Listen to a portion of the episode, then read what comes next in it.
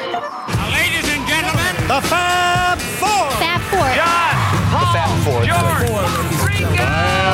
Fab Four. Fab Four. We have for you the Fab Four. Fab Four. Fab Forecast. John? Did we write a song called Sesmo's Quan Oubli un jour? No, Paul. It says here we did. Well, who sings it, Paul? Dick Rivers. Oh, you mean Dick Rivers?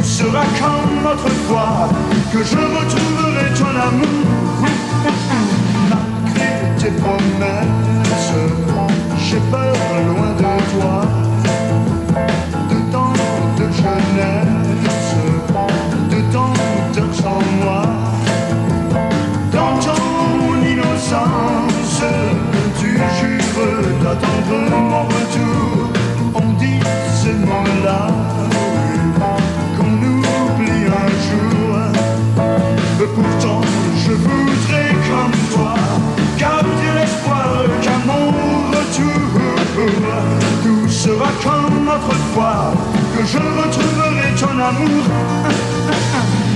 Ka-ching, ka-ching,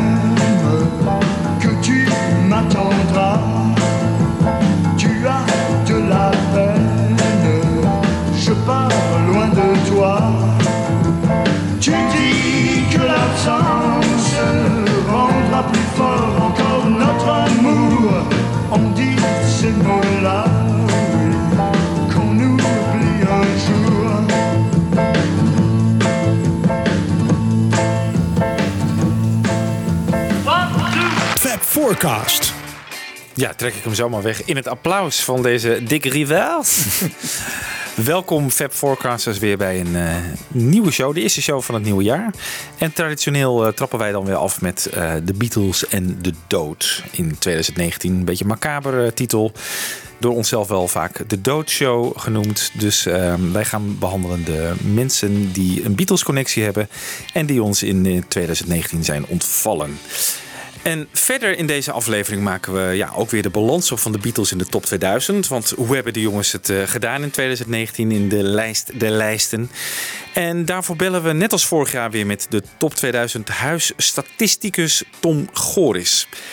Goed, we beginnen dus met de Beatles gerelateerde doden in 2019. En Michiel en ik hebben die eh, namen dan verzameld. En het zijn er toch wel heel wat. Dus we hebben besloten om ze niet allemaal uitgebreid te behandelen. Maar een top 10 te maken van personen met de meest interessante Beatles-connectie. En die top 10 die trapten we dus net af met Dick Rivers. Michiel. Ja, Dick River. eh, ook wel geheten, zijn echte naam, Hervé Fornery. Hij overleed op zijn, exact op zijn 74ste verjaardag, op 24 april 1945.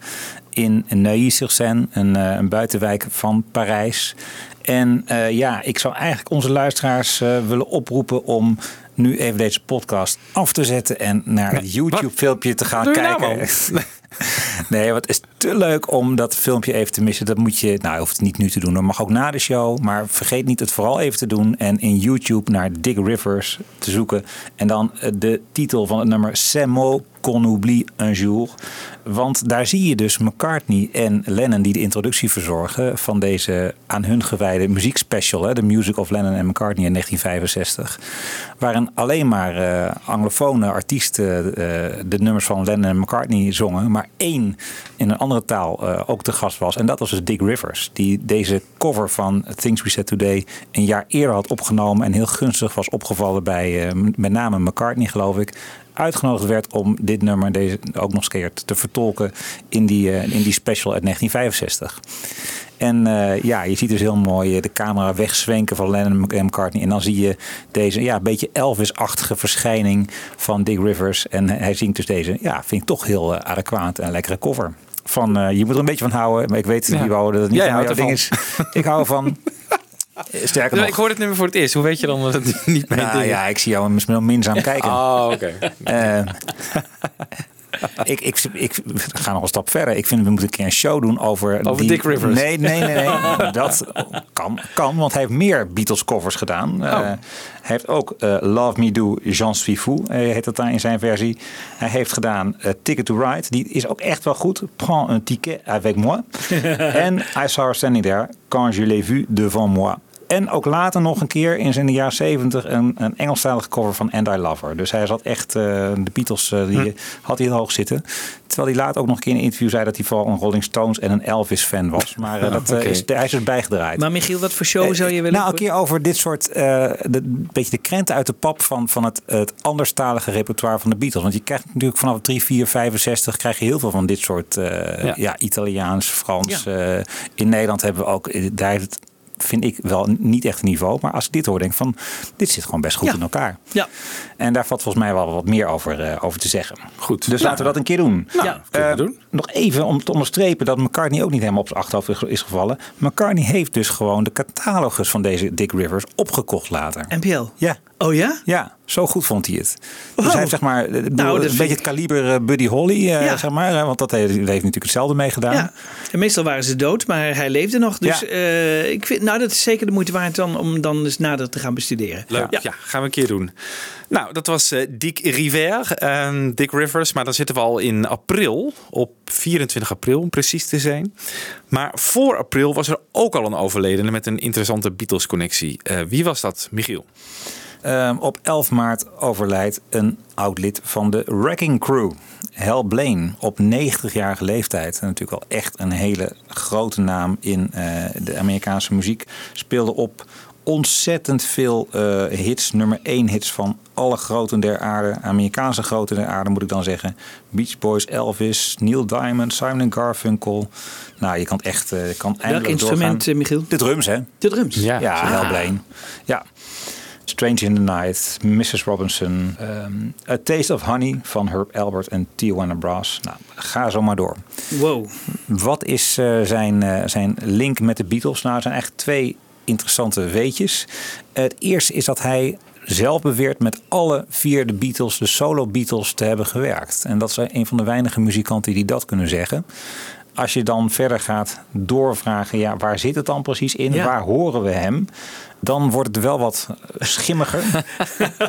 Want eh, van Ringo heb ik het echt niet kunnen achterhalen. Nou, hij beweert het, maar ik eh, heb er boeken op nageslagen, op internet nagezocht. Maar ik eh, roep vooral de luisteraars op om, om met de precieze nummer te komen waar, waarop Hal Blaine te horen zou zijn. Bij George Harrison speelt hij mee op het door George Harrison geproduceerde album van Jackie Lomax, Is This What You Want? Heel vroeg op het Apple-label uitgebracht, hè, het eerste, eerste album van Jackie Lomax. Hij heeft wat overdubs gedaan voor McCartney, maar ook daar ben ik niet achter gekomen van welke nummers dat dan zijn. Het meest duidelijk is uiteindelijk zijn betrokkenheid bij het rock and roll album van, eh, van John Lennon. En daar is hij eh, vrijwel integraal op te horen. Eh, en was hij uiteindelijk ook veel over te spreken. Ja, hij heeft er ook wel wat interviews over gegeven. Maar dan merk je ergens, zo'n man heeft zoveel sessies gedaan. dat hij ook. Hij weet eigenlijk niet veel meer te melden dan. ja, dat was een hele leuke sessie. En Lennon was een hele vriendelijke man. Dus dat eh, zal ik de luisteraar besparen. Wat ik wel wil laten horen, en dat is eigenlijk veel aardiger.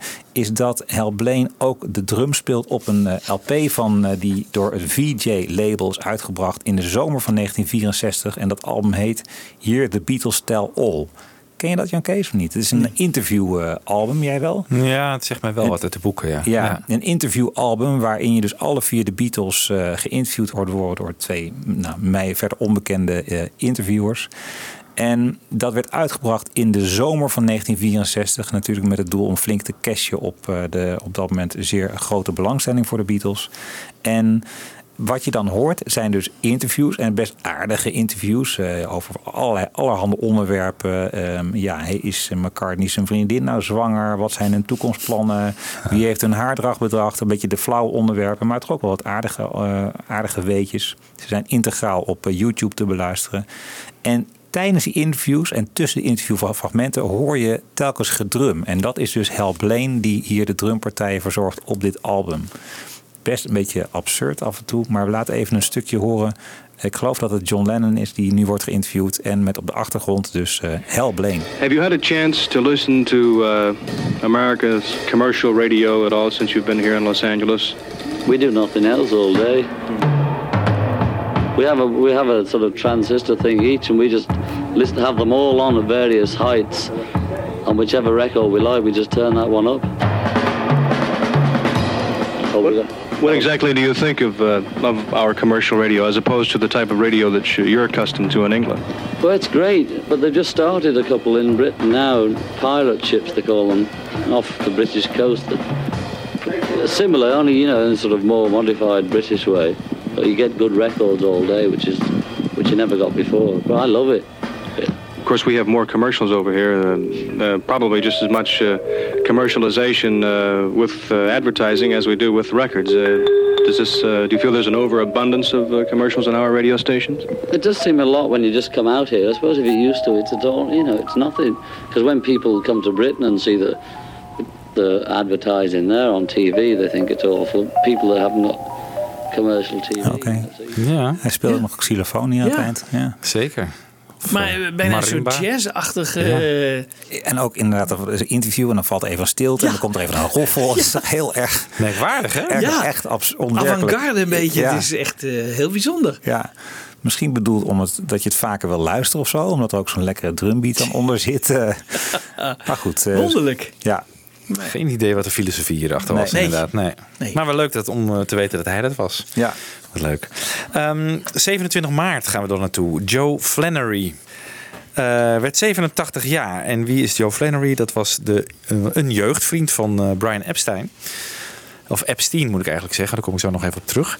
En was eh, booking manager van de Beatles in 1962 en 63. En ja, die vriendschap met Brian Epstein had ook te maken omdat ehm, Joe Flannery ook homofiel was. En daardoor heel erg klikte met eh, Brian.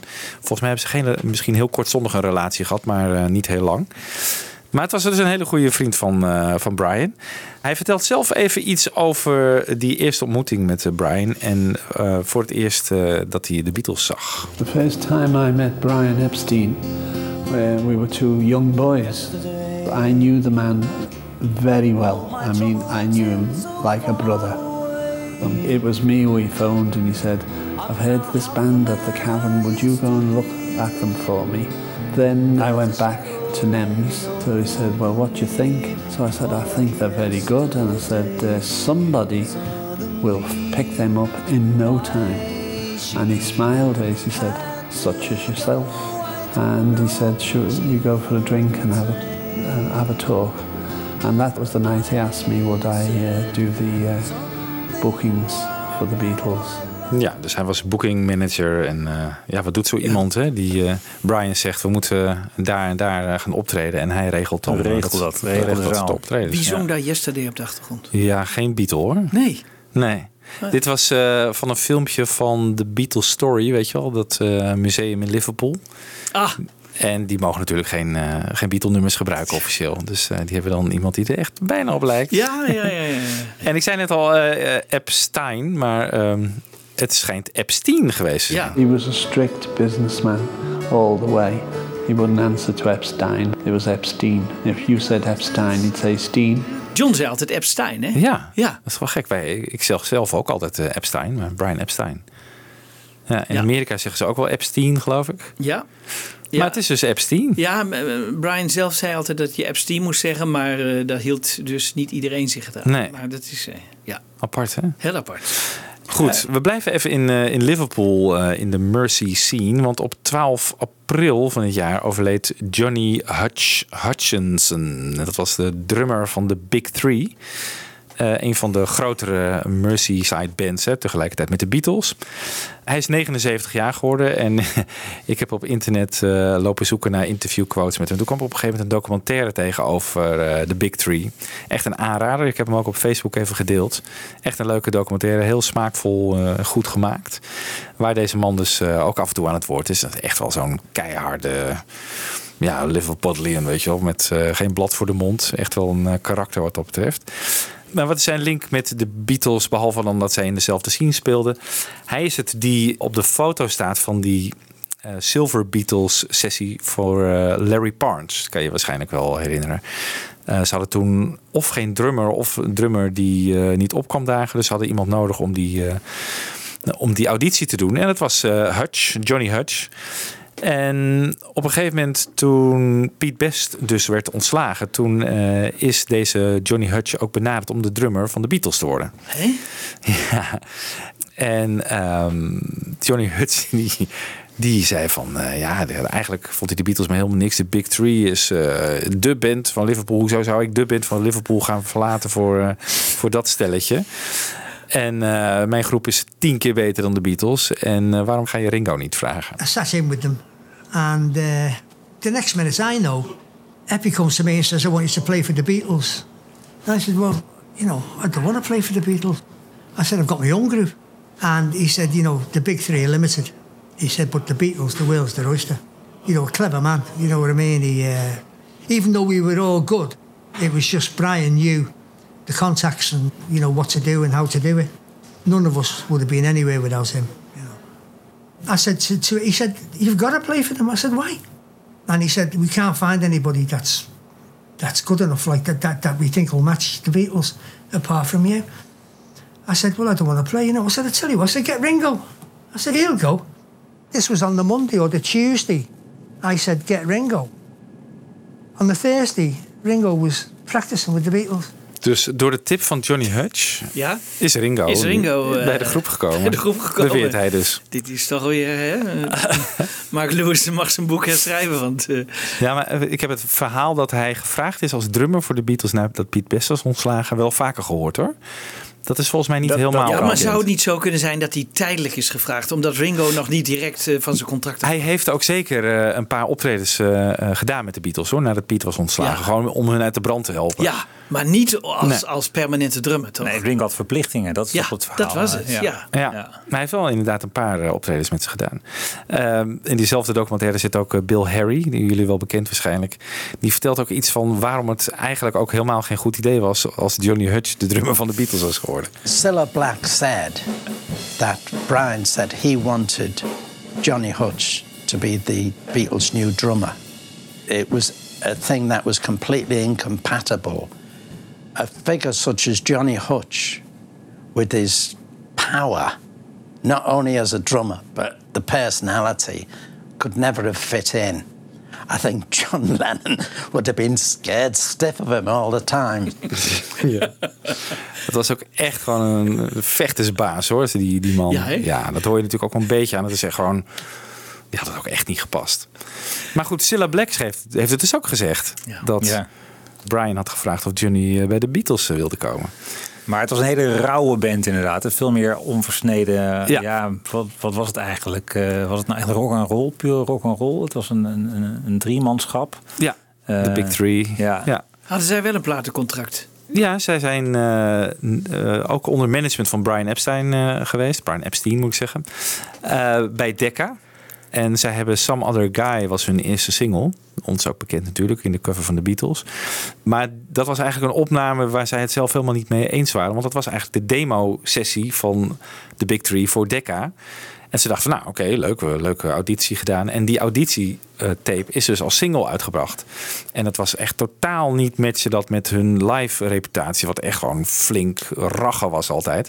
En dit is eigenlijk een hele... Maar Dick Rowe had zijn mening herzien en gitaargroepen waren weer. eh, Die in. mochten weer, denk ik. Die ja. mochten weer. Ja.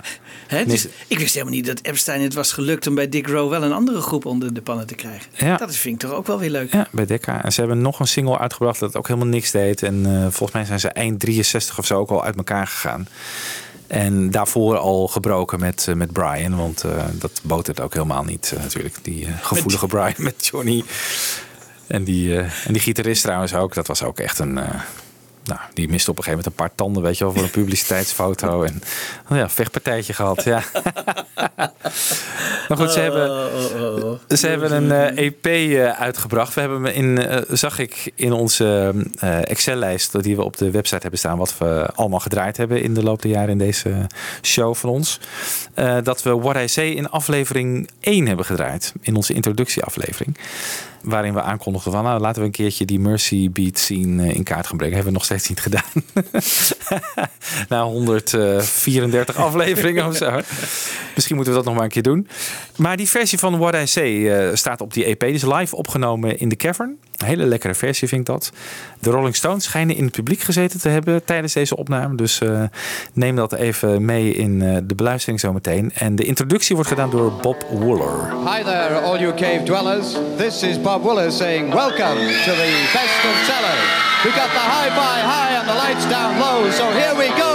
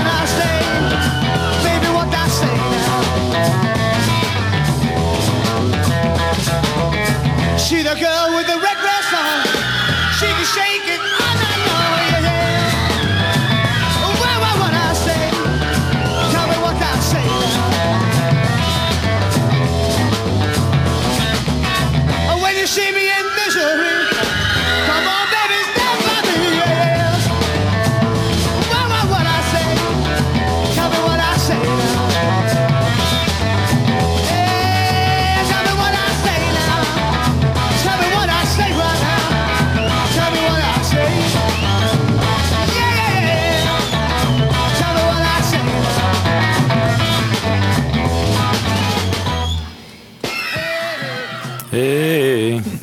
Ja, dat gaat nog even zo door. Best een lekkere versie. Met eh, Johnny Hutch ook op, eh, op de vocalen. Hij kon, hij kon wel drummen. Ja, Ja, dat is ja. dan wel een powerhouse, ja. Zeker. Ja, leuk. Maar hij, hij bood, het bood er niet tussen hem en Lennon, geloof ik. Hè? Zoals Lennon wel wat meer mensen ruzie had. Maar bij die, bij die sessie bij Barnes eh, zat Lennon hem een beetje belachelijk te maken, geloof ik. Of zo. Dat altijd een beetje... Daar bij die sessie, de, die auditie is, is volgens mij misgegaan ook. Tussen Ja. Beatles en, eh, en Johnny. Ja. Ik weet niet precies wat er is voorgevallen. Maar goed. Nou, hij valt dan nog wel even in eh, als Piet eh, is ontslagen natuurlijk. Ja. Wat dat betreft eh, gingen ze dan nog wel blijkbaar goed met elkaar om. Ja. Oké, Michiel. Ja, over we you. gaan naar 30 april en dan overlijdt op 87-jarige leeftijd Ross Gibb. En dat is de man die, ja, wiens naam voor eeuwig verbonden zal zijn aan het grote Paul is Dead mysterie. Want hij was DJ bij het Detroitse radiostation WKNR toen hij op 12 oktober 1969, dus 2,5 week nadat Abbey Road was uitgekomen, een telefoontje kreeg van ene Tom Zarkis. En die zei, er is toch iets raars met die Paul aan de hand, joh. Is die dood of zo? Weet je er wat van, eh, Russ? Nou, dan mogen anderhalf uur lang mogen allerlei bellers mogen inbellen. Luisteraars mogen inbellen. En ehm, zo gaat langzaamaan het gerucht eh, steeds sterker eh, worden dat McCartney dood zou zijn.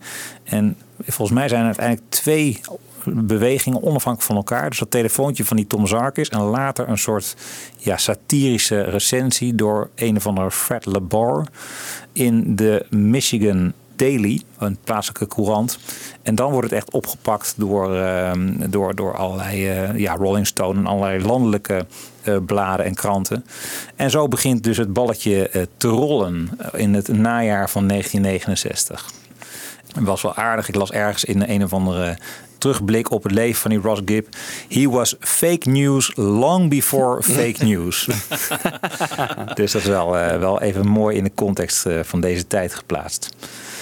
Ja, deze Ross Gibb ehm, is ook nog vrij prominent aanwezig in een documentaire die eh ene Wouter van Opdorp maakt in 2010, getiteld Who Buried Paul.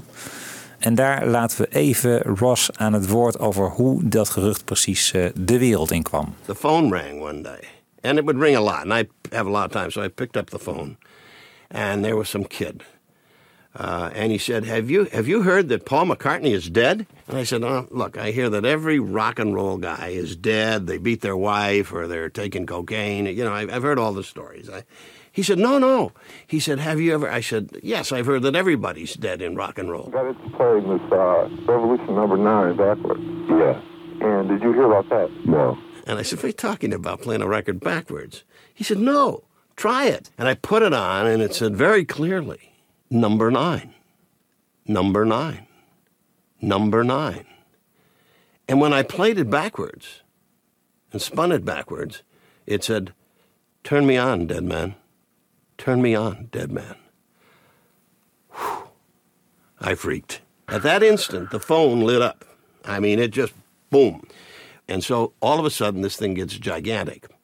It's like the world has exploded. There's some things that are best said after we leave the planet. Understand? And so that's basically what it is. There is one piece of information that somebody gave me in London about this whole story that I'm not sure if it's key, but it certainly is important. And I'll let people just guess at what it is until I put it down on paper, and I may never see it. And the Beatles may not even be around, but someday it'll come out. Ja, jongens, die cliffhanger aan het eind. Ben ik ook zo ontzettend benieuwd wat hij, welk geheim hij in zijn graf heeft meegenomen. Ja. Ik denk dat hij een eh, handgeschreven brief van McCartney heeft waarin staat van... Ja, ik ben echt dood. Zoiets. Ondertekend door William Campbell. Ja, ja. Zoiets, ja. Ja. ja. Ja, dat is alweer heel erg op zijn Amerikaans gedaan natuurlijk. Ja, nog even een soort cliffhanger. Maar ja, hij is nu dood, dus wat dat betreft, eh, het moet nu naar buiten komen, zou je Ja, zeggen. Oh ja. ik hoop nog tijdens ons leven.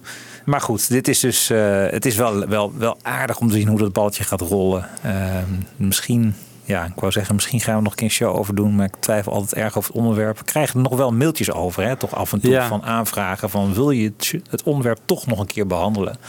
Ja, nou ja, toen jij daar met die mail over kwam, toen zei Jan Kees ook van ja, misschien is het toch wel leuk om die Wouter eh, Opdorp van Opdorp eh, eens te vragen, kijken of die te lokaliseren is. En om te kijken van, kunnen we misschien met een originele insteek dat Paul is dood eh, verhaal eens vertellen? Want eigenlijk is dat al gewoon goed gedaan door Get Back in de jaren 80, de dus dat hoeven we niet meer te doen. Maar wel Nee. zijn, zijn onderzoek naar Ja. de mensen die het allemaal hebben veroorzaakt. En hoe is dat gegaan? En hoe- Ja. wat hebben die gezegd? En hij heeft ze natuurlijk geïnterviewd, dus daar kunnen we een gedeelte van laten horen. Ja. Misschien kunnen we het op die manier doen. Ja. Want, want wat zeker waar is, en dat hoorde je hier eigenlijk ook van, het blijft een verhaal dat mensen gewoon fascineert. Ik, Zeker. Mijn dochter heeft eh, vorig jaar een, eh, een spreekbeurt eh, over de Beatles gehouden. En ja, een van de onderwerpen was ook echt het Paul is dood mysterie, weet je wel. Dus dat, dat fascineert gewoon ook Ja. die jongere generatie luisteraars echt. Eh, dus nou ja, wie weet gaan we dat toch nog een keer doen.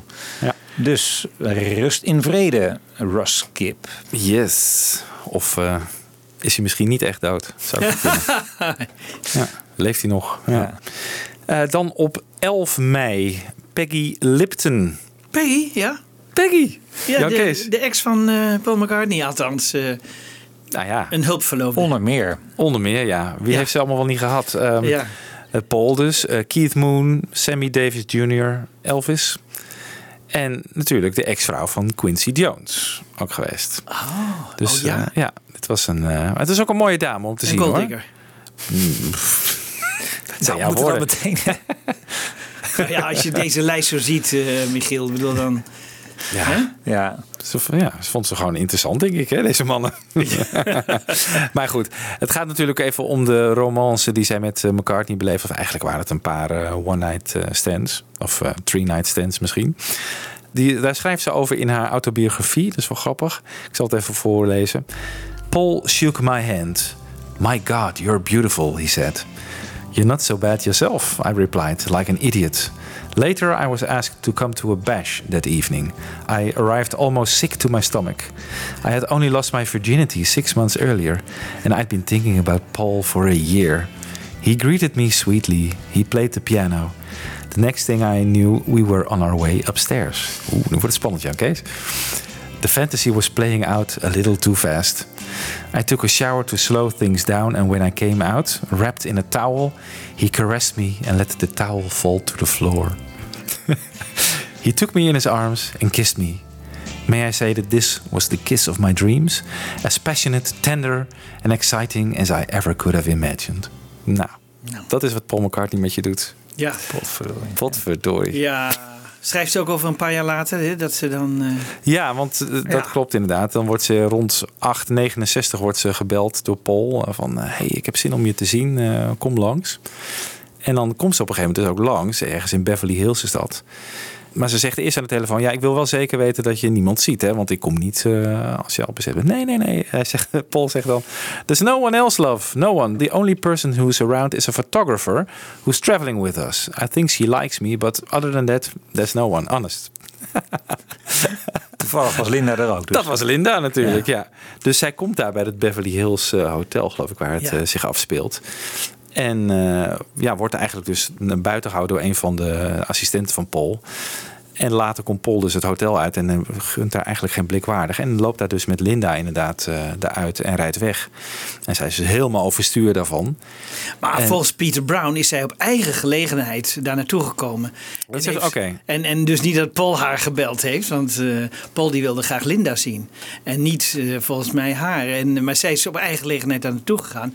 En heeft toen geen mogelijkheid. Toen is in tranen uitgebarsten Ja, bij klopt, ja. Peter Brown. En eh, ja, maar En hem. die is toen in die bungalow, eh, het was in een bungalow, niet in het hotel. ja, eh, Beverly Hills Shore Hotel. Ja, heeft ze in, in lippenstift op de, spiegel geschreven, geloof ik. You made your choice.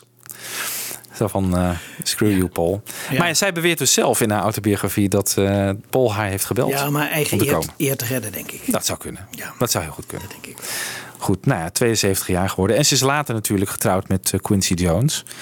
En eh, ik zit toen ik dat hoorde, las, toen dacht ik van ja, zou dat nou een van de redenen geweest zijn dat Quincy Jones zo'n tirade heeft eh, afgevuurd, hè? Talentloze Beatles of zo. Ja. Precies, ja. Ja. Die konden niks. Nee, die konden niks, waardeloos. Ja. Dat is echt één of twee jaar geleden of zo dat hij dat zei. Ja, maar toen was Peggy Lipton waarschijnlijk wel voorbij, of niet? Ja, ja die waren Ja. toen al gescheiden, klopt. maar ja, Quincy en Paul hebben natuurlijk ook nog eh, samengewerkt bij, eh, op Thriller. Ja, met Michael. Ja. Ja, dat is Ja. waar. Dat is waar. Dat is waar. Zeker. Nou goed. Ja. Dat was eh. Peggy Lipton. En dan op 1 oktober overlijdt Peter Sissons. En dat is ook wel weer een aardig weetje. Die is een, een schoolgenoot van Paul op de Liverpool... Ja, hoe heet het ook weer? Institute. Institute. Institute High School for Boys.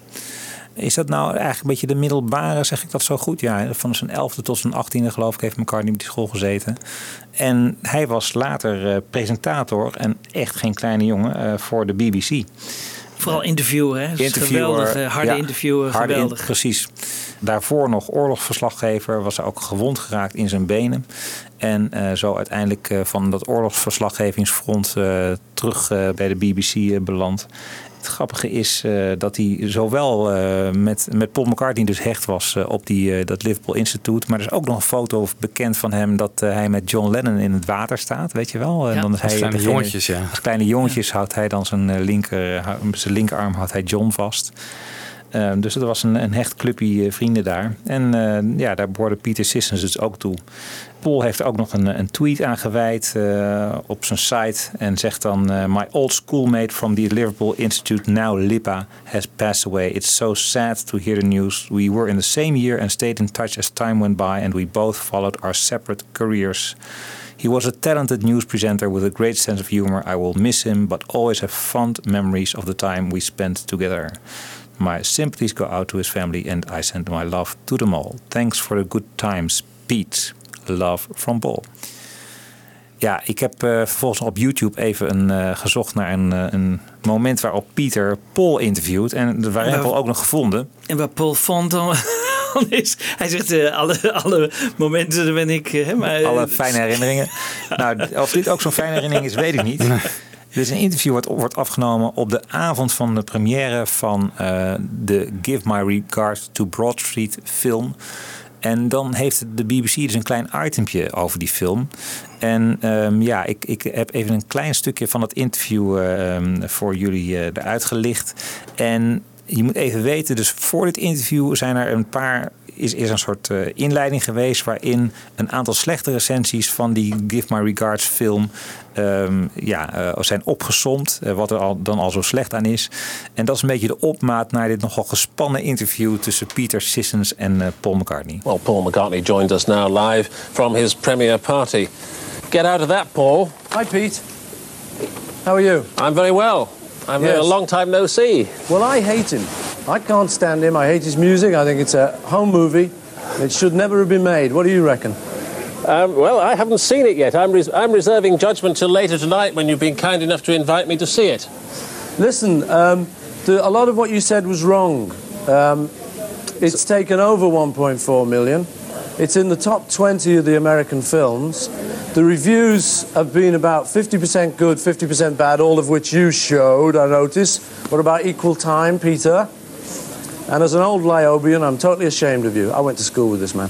So, generally, you didn't, you didn't expect these rough reviews? No, generally I did expect uh, this and rougher. But the thing is, I mean, I've never let that put me off in the past. If you remember, uh, Sergeant Pepper had terrible reviews. She Loves You was like one of the worst records of the year. And Van Gogh had his ear cut off and never sold a painting.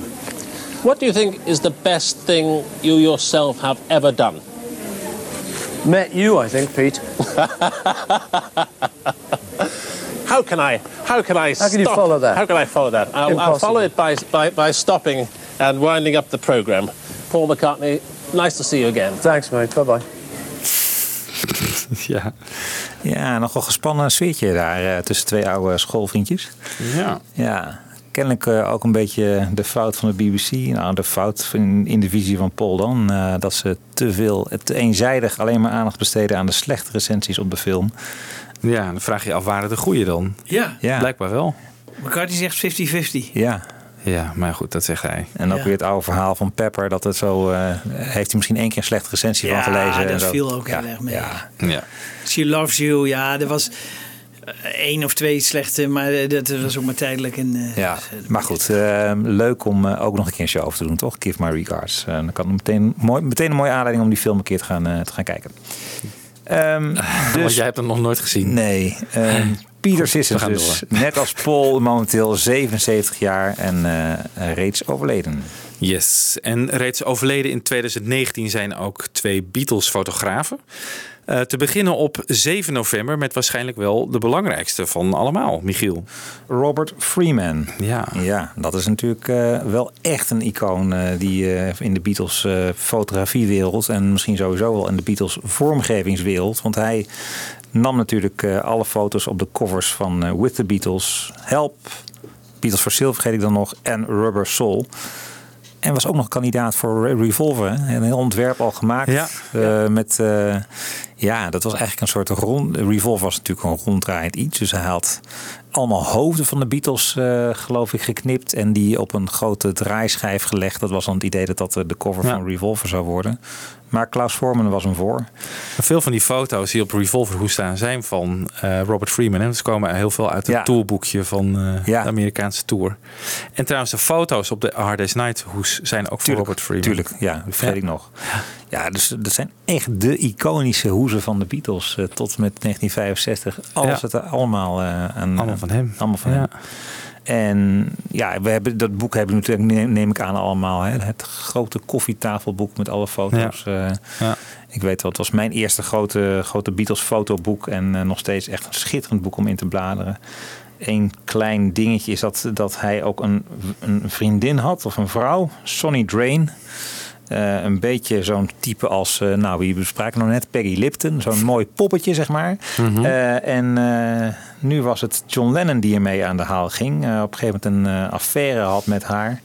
Wordt ook nog aan gerefereerd door ehm, Cynthia Lennon in haar boek uit eh, 2005. Zij was een kalendermeisje van de Pirelli-kalender, die, waar hij ook foto's voor nam. En John die eh, zag het wel zitten om met haar eens een keer een eh, kleine flink te hebben. Dat zorgde voor enige eh, spanning in die relatie. The Beatles A Private View heet, heet het boek trouwens. Ja, uit eh, Oké. 2003. Ja, die foto van With the Beatles is toch wel een van de allermooiste ooit van de Beatles. ja. Met die schaduwen, wauw. Ja. In een hotel lo- loge een beetje genomen. Hè? Dus Ja. niet, niet eens heel erg professioneel belicht of zo. Nee. Of, eh, Maar ook Rubber Soul vind ik toch wel weer bijzonder hoor. Dat is ook de enige foto waarvan een, een ander exemplaar bestaat waarvan die verdacht wordt dat die gemaakt is. Misschien kunnen jullie herinneren, die, die foto van Rubber Soul die is natuurlijk vervormd. Ja. Ja. Maar nou bestaat er ook een echte foto van. Dat kun je op Ja. internet vinden. Waarvan sommigen zeggen dat is niet de echte foto. Anderen zeggen weer het is wel de echte foto. Maar ik hoopte altijd nog eens dat die outtake, eh, hè, dat, dat die foto ook gewoon beschikbaar zou komen. Maar die schijnt eh, toch eh, waarschijnlijk in zijn Sowieso archieven. zou je hopen dat er meer outtakes zijn van de, van de Rubber Soul fotosessies. Ja, Eh, die- want ja. we kennen alleen maar deze foto. Ja, we kennen inderdaad. Ja, achterop staat John ook nog even tegen die uh, tegen Ja, diezelfde van, straat van de hoes. Van maar, de hoes. Maar, maar Ja. ik bedoel even wat outtakes. Ja, Van With the Beatles bestaan die wel, hè? Ja. Er zijn wel wat outtakes van. Precies, die is ook Ja. lachend en zo. Ja. En, eh, Ja. Maar weet je, het, hoe hij de stijl weet te vangen van elke, elk album. A Hard Day's Night, ook de vrolijkheid en de energie van Hard Day's Night. Om dat in zo'n hoes te vangen, dat is knap. heel knap. En Ja. bij Help ook. Hè, de, daar weten we het oorspronkelijke idee was dat de Beatles precies het woord help zouden moeten uitbeelden. Ja. Nou, daar, dan staan de armen net niet gunstig. Dus hij, hij positioneert de armen zo dat het wel mooi staat. En ook echt een mooi iconische foto wordt. Ja. Ja. Het is echt, eh, echt met heel veel visie en flair gedaan. Heeft hij daarna nog wat gedaan toen eh, na 66? Of? Niet veel. Ehm, nee, als ik eh, op Wikipedia mag afgaan, dan is het eh, zijn claim to fame vooral echt het werk met, eh, met de Beatles geweest. Hij heeft ook niet veel interviews of zo gegeven. Nee, kan je niks van vinden. Nee. Nee, ook heel vreemd. Nee. Ja. Het schijnt wel, en dat is wel nog misschien aardig om even een blik vooruit te werpen naar de tweede deel van de trilogy van, van Mark Lewison. Want die heeft hem wel geïnterviewd, zei hij op Twitter, uitgebreid voor, voor zijn boek. Dus we krijgen vast meer over Robert Freeman te horen als dat boek verschijnt. Ja, benieuwd. Ja. Op eh, 16 november overlijdt Terry O'Neill op 81-jarige leeftijd. Dat is een heel beroemd fotograaf uit eh, Engeland, eh, van voornamelijk celebrities. Hij heeft daardoor natuurlijk ook eh, eh, veel foto's gemaakt van eh, de Beatles, eh, ook van solo Beatles. Zijn allereerste foto, eh, die ken je ongetwijfeld. Dat is die, ehm, dat ze in de binnentuin van Abbey Road staan. Tijdens de She Loves You eh, sessie. Dan staan ze met z'n viertjes. En Ringo heeft geloof ik alleen een bekken of zo in zijn hand. En eh, de rest met de instrumenten. Terry O'Neill vertelt hier zelf even wat over in deze quote. The first job I had, believe it or not, said, look, we've got this group, they recorded down at Abbey Road, go down and do a, shot of them. I go down there and there's this group and they're called the Beatles. So I do this sort of very amateurish shot of them with Ringo holding the thing. I mean, it is a funny shot. Anyway, they didn't publish it for three months till the record came out. The day they published it, the paper sold out, and then they just went pop mad. And then they said to me, "Well, who? You know, you know music. Who's the next group?" And I said, "Well, I've been following this group called the Rolling Stones. They play down in Richmond." Hmm. And they're, they're good little blues group, so I go and photograph them. We became good friends Yeah. because I was a couple of years older than them, and we all used to go to this club called the Adler Club. And we, we were all convinced that this chance that had been given to us, all young people, was going to be over in two years. Ah. And we used to talk about what job are we going to get, you know, when we sort of more grown up. and I mean, Ringo wanted to buy a chain of hairdressers for his wife to run, and all, all sorts of different things like that. I mean, nobody ever thought it was going to last. Ja, Terry O'Neill. Wel eh, mooie verhalen over eh, de begintijd. Eh, later heeft hij, dat zei ik ook al, de solo Beatles ook gefotografeerd. Hij is onder andere de officiële fotograaf van de trouwerij van Ringo uit Ja. 1981. Ja, met, met McCartney achter die piano, weet je wel. eh, Ja. Schitterend. Ja, mooie foto. Van Broad Street heeft hij ook nog eh, wat, wat eh, foto's gemaakt op de set. Portretten van Paul en Linda uit halverwege jaren 80, waarin Linda van dat springerige haar heeft. George en Danny samen met z'n tweetjes. En familieportretten van de Starkey family. Dus hij was ook veel gevraagd ook nadat de Beatles uit elkaar waren gegaan. Dan gaan we door naar eh, Kenny Lynch, Michiel. Ja, Kenny Lynch. Geboren 18 maart 1938. En ehm, hij is vooral bekend omdat hij de eerste persoon is ooit die een Lennon en McCartney compositie covert. Namelijk het nummer Misery. Even een stukje laten horen. I remember all the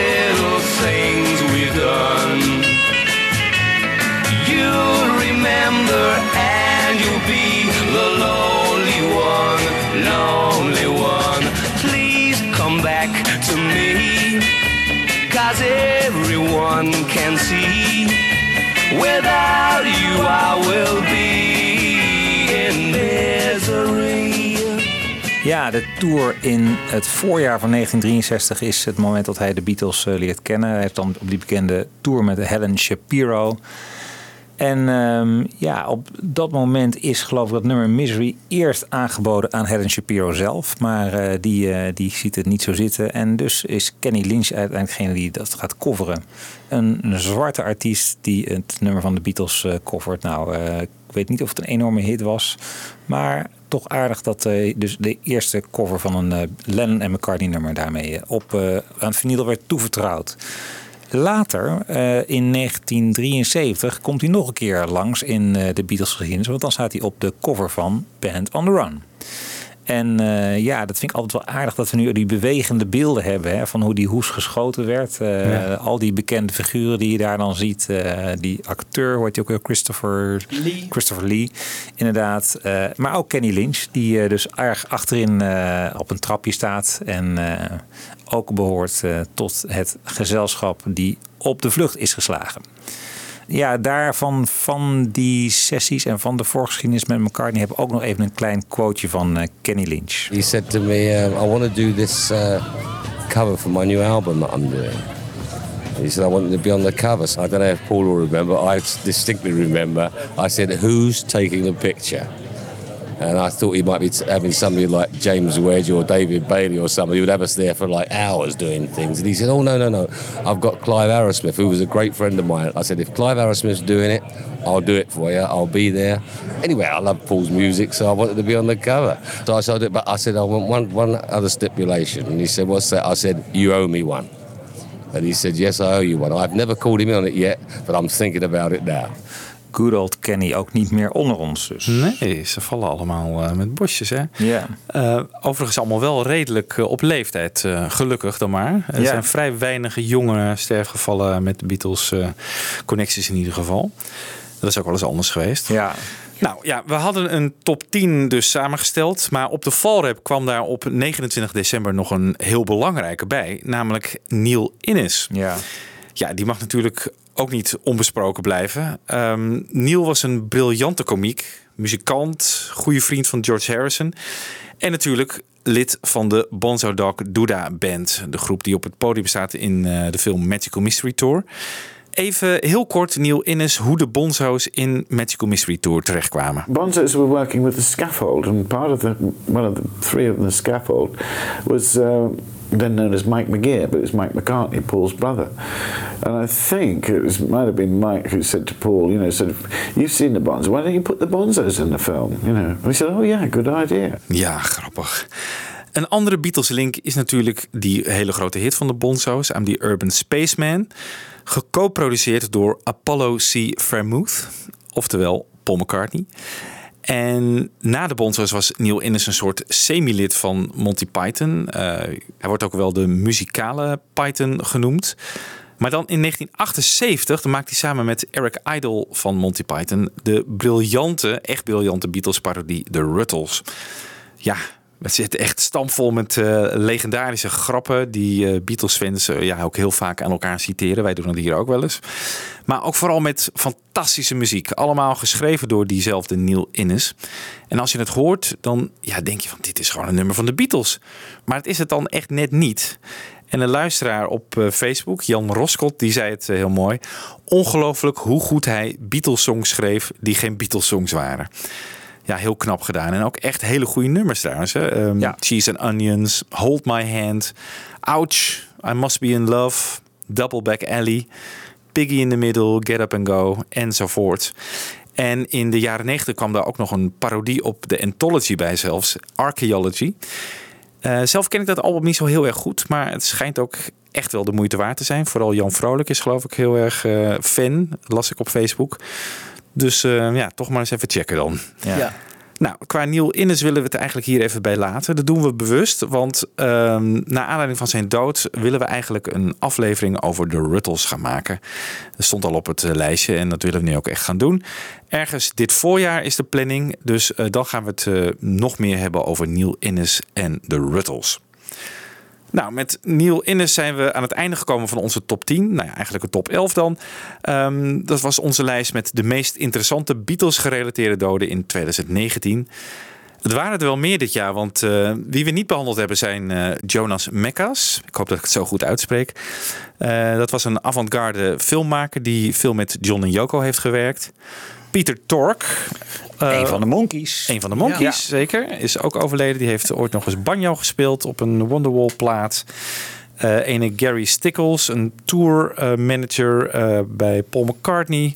Verder nog eh, Monty Lister, een presentator voor de ziekenomroep... die het allereerste interview van de Beatles deed op eh, de radio. Dan Doris Day, vriendin van Paul, ook eh, dierenliefhebber. Eh Nicky Lauda natuurlijk, de fameuze F1-coureur en vriend van George. Dr. John, ook wel Mac Rabenek, ofwel de Night Tripper. eh, lid van de eerste All-Star Band van Ringo Starr. Gloria Vanderbilt, verder niet echt een relatie, maar natuurlijk wel het bekende nummer op Band on the Run, Mrs. Vanderbilt. D.A. Pennebaker, de legendarische filmmaker eh, die eh, natuurlijk eh, met name van Bob Dylan eh, bekend is. maar ook de legendarische autorit van Bob Dylan en John Lennon heeft gefilmd. En ook nog Johns optreden in Toronto in 1969. Pieter Fonda overleed ook dit jaar. Hij was natuurlijk de inspiratiebron voor het nummer She Said, She Said. Ene Anna Quayle, Engelse actrice met een prachtige scène in A Hard Day's Night. Samen met John voor een spiegel waarin zij zegt van... Hey, je lijkt eigenlijk helemaal niet op hem. Ginger Baker, natuurlijk de legendarische drummer van Cream. Die nog een heel klein rolletje had op Band on the Run. Waarin hij een soort emmer met eh, steentjes eh, heen en weer bewoog in de maat op Picasso's Last Words. Echt eh, hoogtepunten uit zijn carrière. Pauline Sutcliffe overleed op 13 oktober. De zus van Stuart Sutcliffe. En ook eh, beheerder van zijn nalatenschap. Ja, ene Gay Byrne, eh Ierse tv-presentator die het allereerste Beatles optreden eh, op tv aankondigde ooit. En ene Emile Richards, ehm, een beroemd Amerikaans percussionist die op eh, de Dark Horse Tour heeft meegedaan en eh, een aantal andere albums van George. En ook iemand met een George link was Ram Dass, ehm, een LSD-voorvechter. En een goeroe die George Harrison inspireerde. Eh, want hij had een boek geschreven, dat heette Be Here Now. Nou, je kent waarschijnlijk als George Harrison liefhebber wel. Het nummer Be Here Now heeft George rechtstreeks van eh, dat boek gehaald. En hij schijnt ook eh, de titel All Things Must Pass bedacht te hebben. En die heeft George ook weer overgenomen. Goed, dat was onze eh tussen doodshow van dit jaar. En net als vorig jaar gaan we het ook weer even hebben over...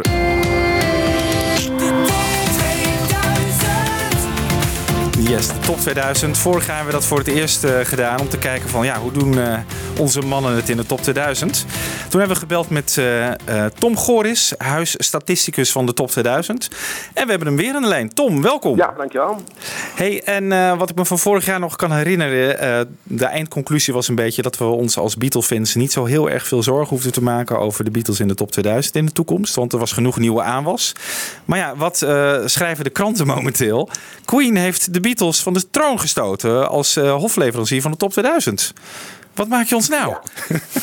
nou ja, ik wil er even een, eh, ja, een beetje relativerende opmerking bij plaatsen.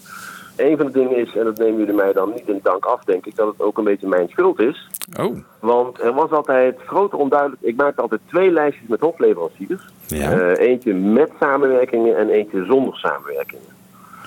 Dus je zou kunnen zeggen de zuivere eh, platen van, van een bepaalde band. En, en daar waar ze samenwerking met anderen hadden. Ja. Dat was een beetje verwarrend. Dus er is dit jaar besloten van nee, we kijken gewoon echt naar alle noteringen van Queen. Bijvoorbeeld ook met de samenwerking. Oké, zoals met Dus David Bowie 37 bijvoorbeeld. platen van Queen, precies. Daar zit Ja. Queen met David Bowie. En daar zit Queen met George Michael zit daarin. Als je die nou niet meetelt, Mhm. dan zijn het er maar 35. Oh, En dan zijn in dat lijstje zijn de Beatles nog steeds gewoon hofleverancier. En de Ah. Beatles en Billy Preston dan? Dat is met Get Eh, Back ja, en Don't Let Me Down. ja, sorry. Ja. Kniezen Ja, hoor, zo- dit. Zo staat het niet eh, eh, op de kaft van het singeltje, hè? dus eh, dat Nee. telt er niet mee. Ah. Dus zijn, zijn er veel nieuwe nummers van Queen in de top 2000 gekomen? Want dat zou dan ook een Eh. teken zijn hè, van de Beatles misschien twee, twee die er niet langer in staan. En daarvoor in de plaats komen nieuwe nummers van Queen. Maar dat, dat effect valt nog mee. Dus Nee, dat effect valt mee. Dat is Ja. er eentje maar, geloof ik. Ja. Die lijst heb ik even niet ja, paraat, ik zie dat- hier dat Save Me en A Winter Still. Dat is dat nieuwe Queen nummers zijn. Ja. Nee, maar als je dat zo, zo bekijkt, dat, dat lijstje met die eh zonder samenwerking kijken, Coldplay, daar, daar, die daalt dan ook een stukje. En daar staan, dat is al wel aardig om te melden, eh, in het kader van de concurrentie van de leef van de, van de, van de tijdperkgenoten. De Stones staan op vijf in het lijstje met samenwerkingen. Maar als je die samenwerking niet meetelt, staan ze gewoon ex-equo met U2 op vier. Maar de Beatles hebben nooit samenwerking gedaan. Dus, eh, die, Nee, eh, precies. En dat zijn er dit jaar, jongens, 36, toch? Dat zijn er 36. 36. Ja. Vorig jaar waren het er 38. Precies. Eh, Dus, ja. Dat heeft ermee te maken dat er drie platen verdwenen zijn. En die stonden al redelijk laag, maar er zit er wel eentje bij die gewoon wel in alle edities genoteerd gestaan heeft. Eh Across the Universe is verdwenen, die viel van 1832 eruit, dus die stond Oh ja. al best wel laag. Eh Here, There and Everywhere stond op 1901 en die is eruit gevallen. En Hello, Goodbye is eruit gevallen. Oh, opvallend. En Ja. even kijken, kan ik heel snel zien. Ja, dat kan ik. Don't Let Me Down is erbij gekomen. Als ik Ja, mee... Don't Let Me Down is erbij gekomen. Ja. Eh, maar dat hier, There and Everywhere is dus een beetje opvallend. Want die heeft, dat is echt zo'n evergreen die in alle edities gestaan heeft. Ja. Die ooit zelfs in 2004 op 681 stond. Dat was de hoogste notering. Nee, wat heet? In 1999 stond hij gewoon op 726. En die is Ja. langzaam maar zeker eh, weggevallen. eruit gegaan. Toch wel opvallend, hè? Er staat zo'n I Wanna Hold Your Hand er dan toch nog wel in. Waarvan ik denk van ja, dat klinkt dan echt nog Gedateerd. gedateerd. En. Here, There and Everywhere niet. Maar die, eh, ja, die heeft het dan toch gered. Opvallend. Inderdaad. En maar valt er iets te zeggen over eh, het type songs dat gestegen is eh, en het type songs dat gedaald is? Heb je daar naar gekeken?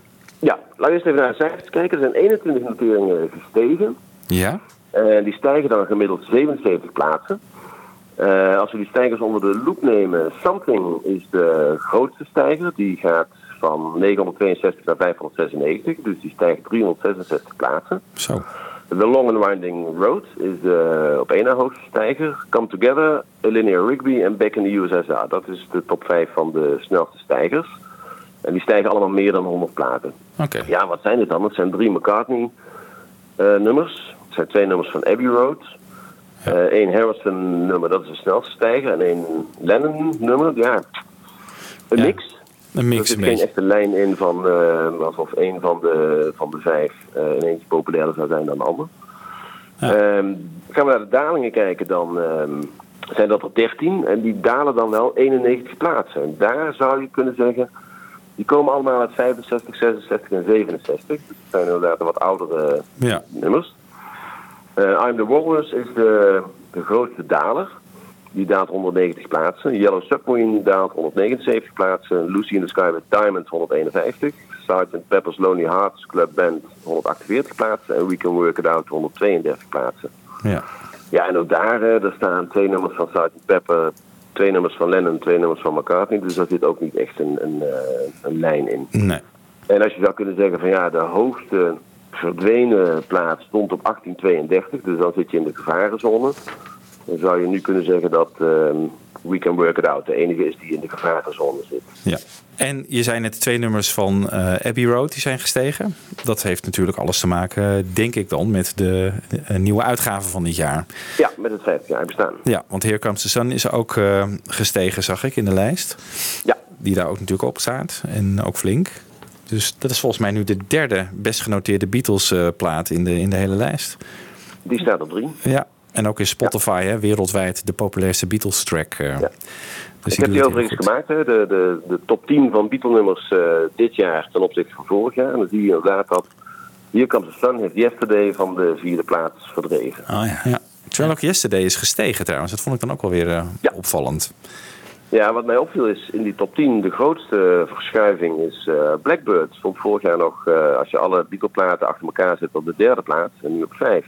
Ja. Terwijl die nauwelijks, hij is een heel klein beetje gedaald. Hij is van 102 naar 104 gegaan. Nou, opvallend. Nou, wat valt er verder over die noteringen te melden? Wat een mooie index geeft, zeker als we het straks met eh, eh, tijdperkgenoten gaan vergelijken. Als je alle noteringen bij elkaar optelt, althans de stijgingen en de dalingen, dan kom je aan een netto resultaat van plus 218. Waarbij ik dan voor het gemak even alles wat niet in de top 2000 staat op plaats 2001 gezet heb. Dus als je eruit valt, dan kom je op 2001 terecht. En dan geeft dat een aantal plaatsen eh, waarmee je daalt. Eh, en dat is een positief effect. Dus je zou nog steeds kunnen zeggen van oké, we zijn dan wel geen hofleverancier meer. Maar we zitten nog wel in de lift. Kan je dan zeggen dat de Beatles gemiddeld 218 plaatsen zijn gestegen? Is dat dan een soort... Nee, niet gemiddeld. Dat is echt als je alles bij elkaar optelt. Hè. Dus als, je, als de ene plaat 10 plaatsen stijgt en de andere plaat daalt 5 plaatsen, dan hou je een, hou je een netto resultaat van plus 5 over. Ja, ja. Ehm, maar als je de gemiddelde, het gemiddelde resultaat bekijkt, dus wat is er per notering gebeurd, inclusief die drie die verdwenen zijn en die ene die nieuw binnen is, dan kom je op een gemiddelde stijging van zes plaatsen per plaat uit. Dus en dat daar- lijkt dan niet veel, maar goed, het zijn er 36, dus alles bij elkaar. Dus het, is- O- ook het is geen. ehm, precies. Ja. Verder zie ik dat ongeveer, nou maar zeggen, grofweg 30% LP-tracks zijn. Hè? Dus eh, niet, geen singles. Hoe zit dat? Is dat eh, representatief ook voor andere groepen? Dat ze ongeveer een derde van hun eh oeuvre in de, in de top 2000 ook eh, van LP's komen? Of is dat bij de Beatles eh, heel bijzonder dat het, dat het LP-tracks zijn? Ik denk dat de Beatles. De, ik heb het nooit echt helemaal exact uitgezocht, maar ik denk zelf. ehm, kijk, de Beatles hebben uiteindelijk maar, hoeveel zijn het? 255 nummers gemaakt. Ja. En die zijn allemaal, ja, eigenlijk gewoon allemaal bekend. Eh, En dat is de enige band, denk ik, waar dat voor geldt. Dat, dat wat ze ook aangeraakt hebben meteen gebleven is. Ik denk dat de Stones veel meer losse singles hebben, om maar eens wat te noemen. Ja. Eh, en als je naar het lijstje van de hoofdleveranciers kijkt, die staan daar, ja, Queen, dat zijn allemaal singles, Coldplay. Daar is Fixu dan misschien een uitzondering op het hele verhaal.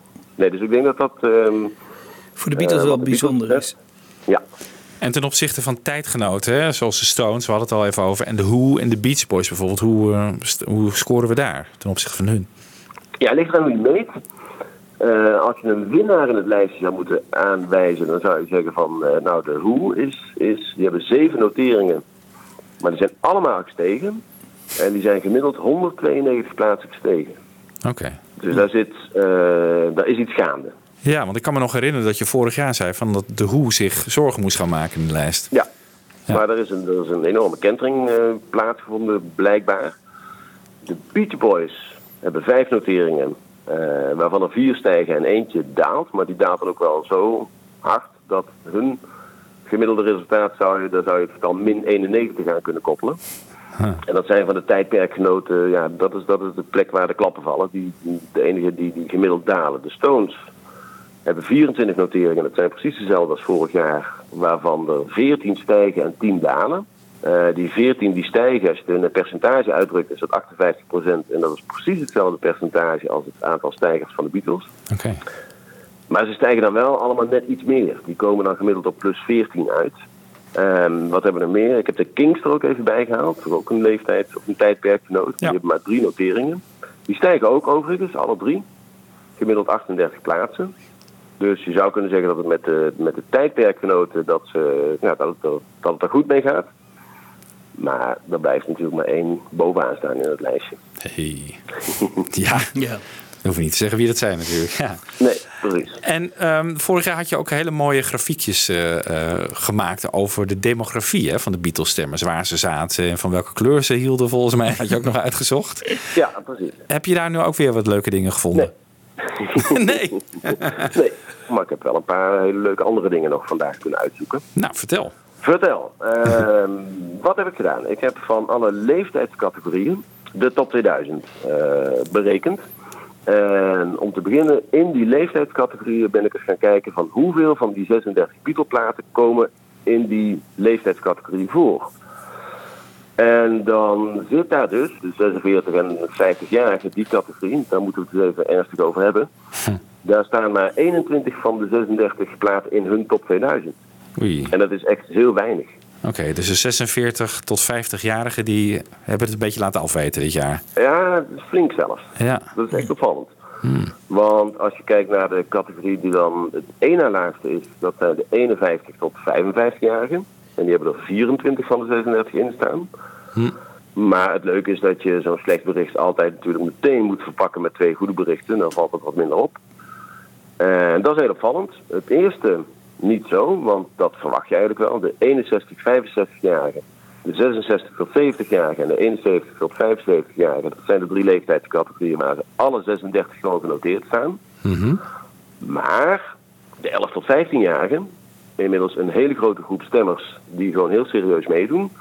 En de 16 tot 20-jarigen hebben ze er ook alle 36 in staan. Zo, dat is bijzonder. Ja, Ja. dat is heel bijzonder. Welke categorie leeftijd staat bovenaan? eh, eh, dus welk, wie, wie stemmen het meeste?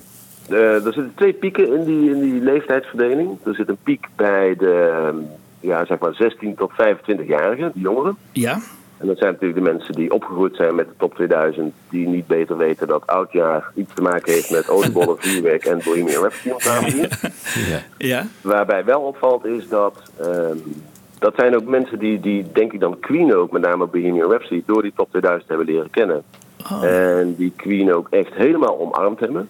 Dus het is een, een, een ehm, ja, Is dat een hele grote groep binnen de, de, de kiezers? ja, 30% is jonger dan 30. Oh, wow. Wow, Ja. dat is behoorlijk. Dat is substantieel. En, en, en, ja wie, hoor, dat, dat, eh, en wie komt daarna? Eh, daarna zit er ook weer een piek bij de vanaf 55, zeg maar. Dus dat wat je, ja, waar sommige mensen zeggen van ja, die top 2008, dat is zo'n eh, zo'n witte mannen van boven de 50 feestje. Ja. Dat is voor een deel waar, maar die piek van de jongeren is, is bijna net zo groot. En er zit altijd een dip ergens tussen de 35 en de 45-jarigen. En het grappige is dat die, die dip schuift ook niet op. Op de een of andere manier moet je daar doorheen als, eh, eh, door de jaren heen. Ja, die, Gewoon, eh, die zijn meer met de kinderen en het Dat huis denk ik, bezig. ja. Waarschijnlijk. Ja, Ja, dan met de top ook. 2000. Ah, ja, ja. ja. Nou, wat dit jaar opviel is, als je kijkt naar de aandelen van al die leeftijdscategorieën, die piek bij de jongeren die was jarenlang echt aan het stijgen. Het lijkt erop dat hij zijn maximum bereikt heeft.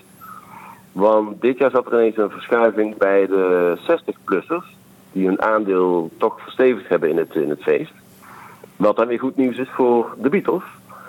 En ik durf zelfs met het plaatje wat ik nu voor me heb van die noteringen per leeftijdscategorie de voorspelling aan dat volgend jaar de Beatles gewoon weer hoofdleverancier zijn. Daar houden we je aan. Dat gaan we volgend jaar met je checken. Ja. Ja, eh, waar kun je dat op baseren? Op het feit dat, eh, kijk, de top 2000 is eh, gevoelig voor bepaalde trends. We weten dat, eh, nou jullie hadden het hiervoor over uh, Beatle-gerelateerde artiesten die overleden waren. Dit jaar is er niet zoveel van, van dat soort effecten merkbaar. Hè? Dus de, de zanger van Talk Talk, Mark Hollis, is overleden. En de zanger van Prodigy is overleden. Die platen stijgen dus allemaal. Maar dat effect duurt twee jaar. En dan is het voorbij? eh, ja, dan staan ze weer op de, op de normale positie, zeg maar. Ah, En je zag dat heel duidelijk aan... eh, even kijken, dat lijstje heb ik hier voor me liggen. Nou, neem vorig jaar was natuurlijk Aretha Franklin. Ehm, al die platen stegen massaal, maar die zijn dit jaar weer tot ongeveer de helft gedaald waar ze in 2017 stonden. Ja. Ja. Nou, het enige wat we niet weten, eh, dit is een, een soort trend wat, wat bij het stijgen doordat je overlijdt eh, heel normaal is. Wat we niet weten is het effect van films. Ah ja. En het Queen-effect van vorig jaar komt toch echt wel voornamelijk vanwege de film. Ja. Elton John En heeft die een effect? Jazeker. Ja, hè? Eh, door de biografie en de film is, zijn alle noteringen van Elton John ook gestegen. Ah ja. En ja, misschien dat dat effect wat duurzamer is, heb ik geen idee. Ehm, maar ergens moet dat effect van de film ook een keer uitgewerkt zijn, ja. zou je bijna kunnen zeggen. Ja. Nou, tel daarbij op dat eh, zowel die jongeren als die categorie van eh 60 tot 75, dat die eh, op dit moment de voornaamste Beatles-stemmers zijn. Eh, dus daar zit een positief effect naar boven. En met Queen denk ik dat een aantal wat mindere bekende nummers, dat die volgend jaar toch weer gaan dalen. Trend is al een heel klein beetje ingezet. Ja, ik durf die voorspelling aan. Nou, dat is eh, positief nieuws. Ja. Mag ik nog even, een vraag stellen over eh, de absolute aantallen stemmers op zo'n nummer als, als Bohemian Rhapsody? Is daar ook wat van bekend? Van hoeveel mensen stemmen nu daadwerkelijk op, op Bohemian Rhapsody versus bijvoorbeeld eh, nou, Let It Be? Want dat kan ik op de site ook. wel, maar- Ja? Nee, die kan je nergens vinden, want het beleid van eh, Radio 2 is nog steeds dat we de absolute stemmenaantallen niet bekendmaken. Nee. Maar, en, en, en jij bent huisstatisticus, mag jij er iets over zeggen? Of, eh, Nee. nee. Nee, ik ben wel getrokken om, eh, om, om dat gewoon wel te doen. Kijk, het is ontstaan uit de tijd dat op het moment dat je weet hoeveel stemmen eh, er nodig zijn om binnen te komen, dat je dan denkt van, "Mwah, daar ga ik eens even een flinke week voor zitten en dan lukt je dat wel. Ja, ja. Inmiddels zijn die aantallen zo groot, dat lukt je niet meer in een week. Dus die individuele acties die er ook altijd zijn, die, die blijven onder de radar, die zien we niet meer. Maar die boeren zijn er toch maar wel in geslaagd, hè? Ja, ja. Ja, en, en het mag nu ook, hè? Dat, Dat eh, mag ook, hè? Ja. Ja, ja, dus, dus eh, ik zei laatst voor de grap tegen iemand van zo worden we langzaam het muzikale Malieveld. Ja. Eh, en daar kun je wat van vinden. Aan de ene kant, ehm, ja, ik vind het ook wel iets hebben. Ja. Eh, net zo goed als dat een paar jaar terug, eh, wanneer was het? Toen Imagine zomaar ineens op één kwam. Dat je toch ziet van, van ja, dat is het tijdsbeeld van, van wat, wat toen het gevolg was van de aanslagen, wat er kan. Eh, en dat, is- dat maakt het ook wel mooi dat, dat, er- dat er zo'n soort dynamiek ook is. Ja. Dus dat het naast een kanon van de muziek toch ook een soort, soort geschiedschrijving van een, van, een, van een tijdbeeld is. En het totaal aantal stemmers, kun je daar iets over zeggen? Eh, nee, daar maken we ook niks eh, over bekend. Oh, dus ook niet het hele totaal, hoeveel mensen er hebben gestemd? Nee. Nee. Nee, er zijn jaren geweest, eh want ik doe het nou twaalf jaar, hè, dat er in het, iedere keer werd gezegd van nou nee, we moeten het record van vorig jaar moeten we weer verbreken. Het neemt nog steeds gewoon toe, dat wel. Dus je kunt nu wel, er is gewoon weer veel meer gestemd dan, dan vorig jaar. Het gaat denk ik dan ook wel een beetje ten koste van, van de Beatles, omdat door die acties een aantal, of een groot aantal nieuwe stemmers erbij gekomen zijn. Mensen die in de enquête aangeven van nou dit is de eerste keer dat ik gestemd heb. En het is nu maar afwachten wat, eh, ja, wat, er, wat er volgend jaar voor een beweging zijn, waardoor er weer nieuwe kiezers gemobiliseerd worden, om het zo maar eens te noemen. Oh ja, en dan, dan valt zo'n hello, goodbye dus buiten de boot, omdat het aantal stemmers gewoon toeneemt. En dus de spoeling wordt dunner, dus eh, je, moet, je moet meer. Ja, ja. En eh, we hebben het nu over de, de Beatles gehad, maar de solo Beatles, hoe, hoe doen die het eigenlijk in de lijst? Even kijken, we hebben Paul McCartney heeft vier noteringen. Ehm, daar zijn, daarvan zijn er drie gestegen en hebben het over Paul McCartney en Wings. En Paul McCartney en het Frog Chorus. Ja. Ja. Ehm, die zijn, drie daarvan zijn gestegen, één daarvan is gedaald. Live and Let Die is de enige daler. En er is er eentje verdwenen, want er was ook een samenwerkingsverband met eh, Rihanna, Paul McCartney en Kanye West. Oh ja. Die is verdwenen. Oké. En dat brengt de gemiddelde index die we al eerder genoemd hebben, die getallen, dat, dat zit voor Paul McCartney dan op min 12. En ja, misschien komt hij te vroeg, want hij komt natuurlijk in het voorjaar. Eh, want dat soort concerten, die, die, eh, daar zie je ook vaak een nasleep van. Dat er dan toch een positief effect heeft op, op, eh, eh, op de noteringen. Maar dat gaan we volgend jaar zien. Eh, John Lennon heeft drie noteringen, waarvan er één nieuw is. Want eh, Happy Christmas is weer heringetreden. Ah.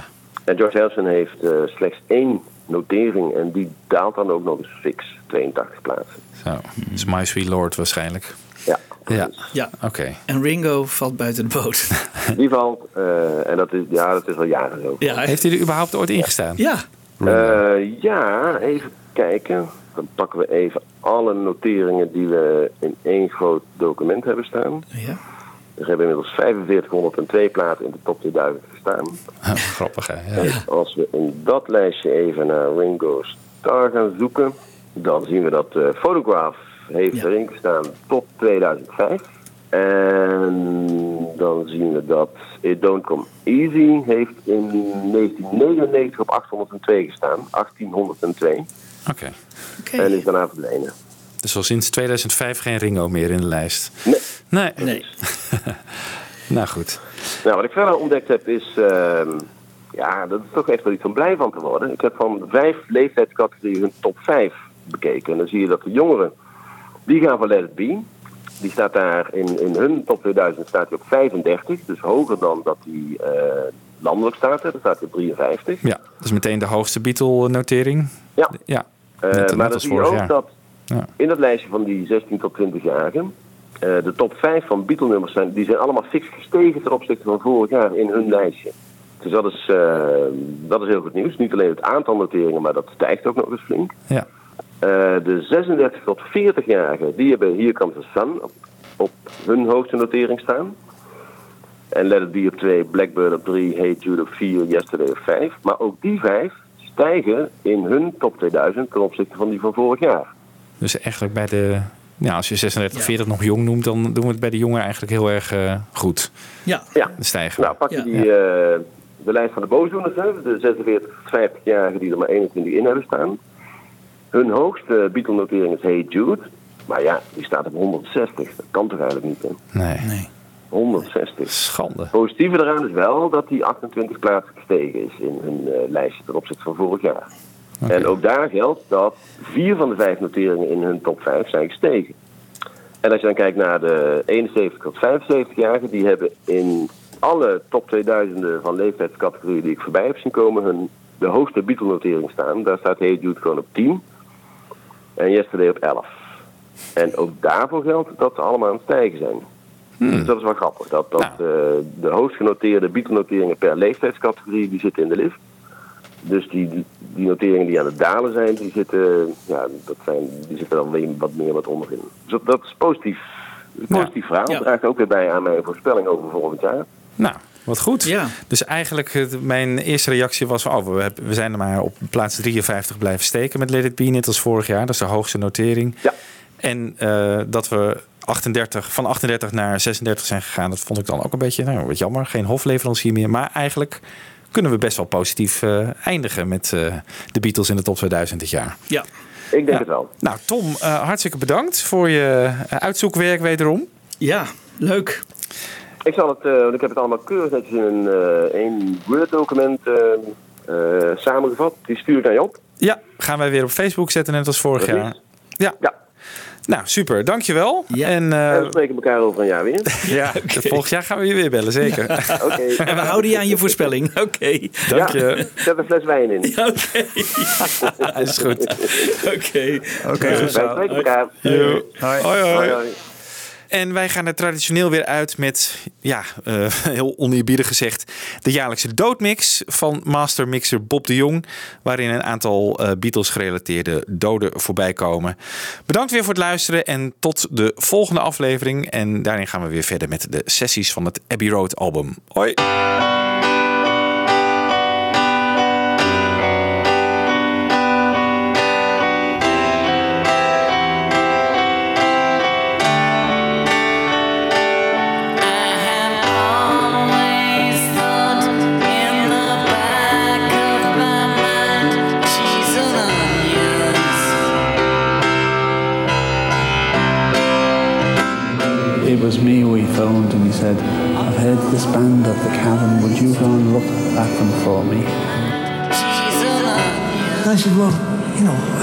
Play for the Beatles. I said, I've got my own group. And he said, you know, the big three are limited. He said, but the Beatles, the whales, the oyster. Whatever happened at that little studio, just like this keener that day, has forever changed the story of the Beatles. It was a very great pleasure for us this evening to say hello to an up-and-coming Merseyside group, the Beatles. And I know their names, and I'm going to try and put faces to them. I took the film over to England and showed it to him at, at the house I had in Ascot. And uh, I had to show it in his bedroom. We had to project it on a wall. He was so excited to see it. You don't look like him at all. She looks more like him than I do. What do you think is the best thing you yourself have ever done? Met you, I think, Pete. Paul McCartney, nice to see you again. Thanks, mate. Bye-bye. We have always thought that it might be a good question to put to Mr. Kenneth Dodd and the members of the Beatles. Uh, to what extent do they attribute their success to their hairstyles? I mean, Ringo wanted to buy a chain of hairdressers for his wife to run and all, all sorts of different things like that. I mean, nobody ever thought it was going to last. George and I became really fast friends.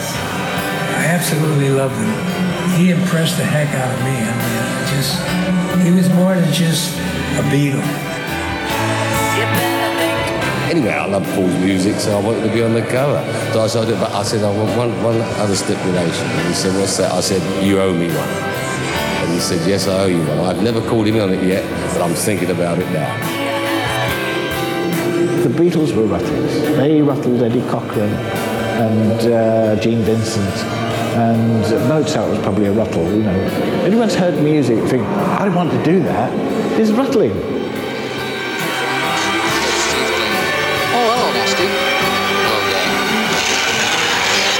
That's torn it. What are you doing, Steve? Just getting out of here. Well, I'm going to get out of here too.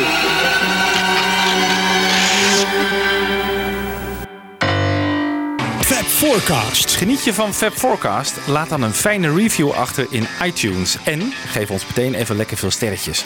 Dat helpt andere luisteraars weer om ons te vinden. Heb je vragen? Mail dan naar fabforecast.gmail.com of kijk op onze pagina's op Facebook en Twitter. En de afleveringen van Fab Forecast zijn ook te beluisteren via beatlesfanclub.nl.